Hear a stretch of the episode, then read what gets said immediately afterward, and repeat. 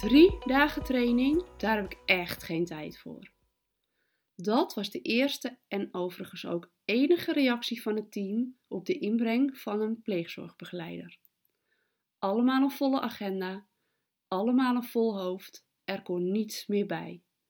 De rest van haar verhaal bleef in het luchtledige hangen, niemand luisterde meer, niemand reageerde verder. Ze bleven steken bij de drie dagen training. Mooi dat ze grenzen aangeven, natuurlijk, maar deze grenzen, deze reactie, komt vanuit een overlevingsmodus. Het niet meer zien zitten, wat resulteert in weerstand tegen nog iets erbij in de al zo volle agenda. Dat is iets anders dan grenzen aangeven vanuit grip op je agenda en inzicht in wat prioriteit vraagt waarmee je verschil gaat maken in jouw pleeggezinnen. In deze podcastaflevering ga ik in op die overlevingsmodus versus grip op je agenda vanuit leiderschap. En dat doe ik aan de hand van het Dr. Rekkenweg systeem. Vanuit mijn natuurgeneeskundige achtergrond maakte ik voor het eerst kennis met zijn visie op ziek zijn en gezondheid in zes fases. En voor mij is dit een belangrijk handvat, een raamwerk om te begrijpen wat er nou eigenlijk gebeurt in ons lijf, zowel fysiek, mentaal als emotioneel.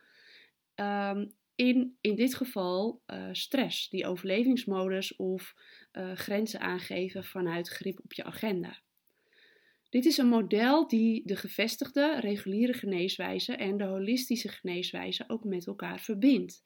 Een visie die stromingen bij elkaar brengt, omdat men elkaar hierin ontmoet en begrijpt. Vraag jij je af en ben jij benieuwd hoe ik de overlevingsmodus en stress en leiderschap pakken op je agenda um, in dit rekkenwegsysteem plaats? Luister dan verder.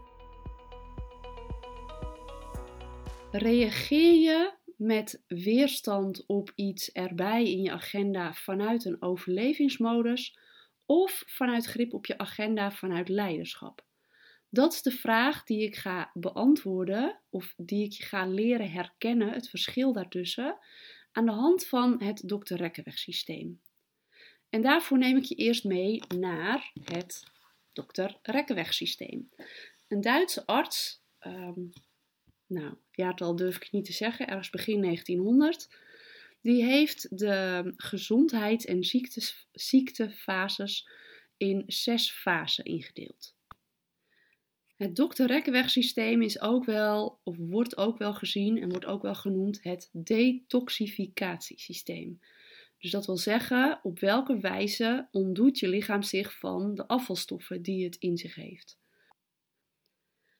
Fase 1 is de gezondheidsfase. De, het lichaam voelt energiek, fit, krachtig. Uh, je wordt uitgerust wakker en het lichaam ontdoet zich van afvalstoffen door middel van zweten en uh, uh, de uitscheidingen op het toilet. De tweede fase is de ontstekingsfase.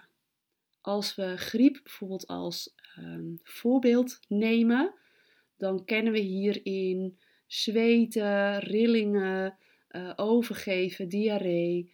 Um, nou, dat zijn gewoon klachten die iedereen wel kent.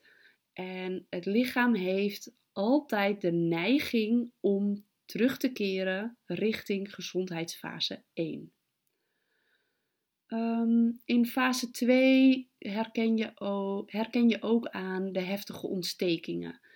En er is wel een verschil tussen de ene en de andere ontsteking. Um, denk daarbij aan een, uh, een grote steenpuist of een wond die gaat etteren, waarbij het lichaam krachtig reageert op iets wat het lichaam uitgewerkt moet worden. Dus daar heb ik het in die ontstekingsfase niet over bijvoorbeeld een hersenvliesontsteking. Dat is echt een heel andere gradatie van ziek zijn. Fase 2, de ontstekingsfase, zijn, is echt acuut uh, en het lichaam reageert daar heel krachtig op. Rekkenweg fase 3 en 4, dat is een wat sluimerendere fase met wat vager ziektebeeld, waar bijvoorbeeld sudderende dingen spelen, vermoeidheid, overgewicht. Ehm, ja, waar zou je nog meer aan kunnen denken? Van die vage klachtjes waarvan je denkt: moet ik hier nou mee naar een huisarts? Of als je naar de huisarts gaat, kom je eigenlijk zonder enige eindconclusie weer thuis. Of als er een bloedonderzoek gedaan wordt, komt er eigenlijk niet echt iets uit. Het is de ja, vage klachtenmodus. En hierin bevindt zich ook die overlevingsmodus, waar we het straks ook nog even over gaan hebben. Nou, en daarna hebben we dan nog rekkenweg fase 5 en 6. Dat is de fase waarin echt uh, fysiek schade is. Uh, de cellen, de lichaamscellen zijn beschadigd. Dus als je het hebt over een bloedonderzoek, dan zie je daarin ook echt aantoonbaar dat er uh, leverklachten zijn, nierklachten zijn. Het kan aangetoond worden, het kan regulier gezien met de reguliere methode aangetoond worden dat er een probleem is. Dat is overigens ook al zo in fase 4. Dus de eerste drie fases, dat zijn de klachten die niet in reguliere onderzoekmethoden naar voren komen. Rekweg fase 4 tot en met 6 wel, waarin 5 en in fase 5 en 6 wel degelijk echt ernstige problemen zijn. Fysiek gezien, maar denk hierbij ook bijvoorbeeld in het kader van uh, grip pakken op je agenda vanuit leiderschap of uh, die overlevingsmodus waar ik het over had, dan zou je in rekweg fase 5 en 6 de burn-out kunnen plaatsen. Nou, dan nemen we eerst een fysiek voorbeeld aan de hand van diarree. Je kunt in rekweg fase 2, dat zei ik al eerder, ook een krachtige diarree van het lichaam zien. Maar in rekkenweg fase 4 tot en met zo verder kan ook diarree voorkomen. En zoals ik een, heel aantal jaren geleden in gesprek met een arts en die zei ja, maar waar zie ik dan het verschil? Want waar je in rekweg fase 2 normaliter eigenlijk niks hoeft te doen om het lichaam te ondersteunen. Het kan met wat zelfzorgmiddelen. Maar het lichaam is daar in principe krachtig en energiek genoeg om het zelf op te lossen, om zelf te herstellen. Heeft het lichaam in rekweg fase 4 tot en met 6 echt ondersteuning of intensieve behandeling nodig? En soms, in de ernstigste gevallen, rekweg 5 en 6, ehm, is er vaak sprake van onherstelbare schade en kun je je afvragen of je nog zonder ondersteuning goed kunt blijven functioneren. Of in ieder geval zo goed mogelijk kunt blijven functioneren. Nou, terug naar die diarree. Diarree kan in rekweg fase 2 voorkomen, omdat het lichaam zich heel krachtig ontdoet van voeding of bacteriën die het, het lijf, het lichaam uit wil werken. Of denk bijvoorbeeld aan diarree met als onderliggende oorzaak acute stress, waarbij het lichaam reageert op spanning voor de eerste schooldag of de eerste zwemles bijvoorbeeld. En daarnaast hebben we dus een diarree die voorkomt omdat het lichaam bijvoorbeeld geen energie heeft, geen kracht heeft om überhaupt te gaan verteren dan zie je dus niet een krachtige reactie, een krachtig lichaam, een energiek lichaam die ook toevallig diarree heeft. Nee, dan zie je een lusteloos lichaam die diarree heeft. En dat maakt het verschil tussen waar grijp je in en waar grijp je niet in als arts of professional. Nou, dat even het fysieke voorbeeld. Dan gaan we terug naar mijn titel van deze podcast de overlevingsmodus versus grip op je agenda vanuit leiderschap. Dus we gaan kijken naar stress binnen dit raamwerk. Nou, daarbij zal je snappen dat op het moment dat je acute stress ervaart, dat dat een rekweg fase 2 reactie is. En in een acute reactie waarbij goed gehandeld wordt en um, nou ja, de reactie op de situatie uh, gereflecteerd wordt, dat je al vrij snel weer in rekweg fase 1 zult zijn qua stresslevel. Bij chronische stress, waaruit dat stukje verdoofdheid komt, dat stukje Nou, die reactie op een driedaagse training van oh, dat kan ik er echt niet bij hebben, vanuit die overlevingsmodus, dat zit in rekweg fase 3 à 4. En als dat verder gaat, ga je richting die burn-out, die dus in die nog net iets hogere fases zitten. Wat je wil is vanuit leiderschap, vanuit een visie op ehm, ja, een heldere focus op jouw missie. Van hé, hey, wat heb ik te doen? Waar maak ik het verschil in mijn pleeggezinnen? En daar prioriteit aan geven. Om vanuit die heldere visie ehm, keuzes te maken. Heldere keuzes. Dit is wat ik te doen heb. Dit is wat prioriteit vraagt. En dan kan je leidinggevende, of wat van mij betreft de koning, bij je aankloppen en zeggen: hey, kan je dit en dat even voor me doen? Maar op het moment dat jij helder hebt wat je te doen hebt en waarmee jij het verschil maakt in jouw pleeggezinnen, waarin jij jouw missie volbrengt, dat, de missie waardoor jij in dit vak gestapt bent, dan pak je leiderschap. Dan pak je, dan heb je die grip op je agenda. Want dan weet je donders goed wat je te doen hebt. En dan pak je daarop gewoon grip. Grip op je agenda, grip op je werkdag, grip op alles. Alles wat er omheen hangt.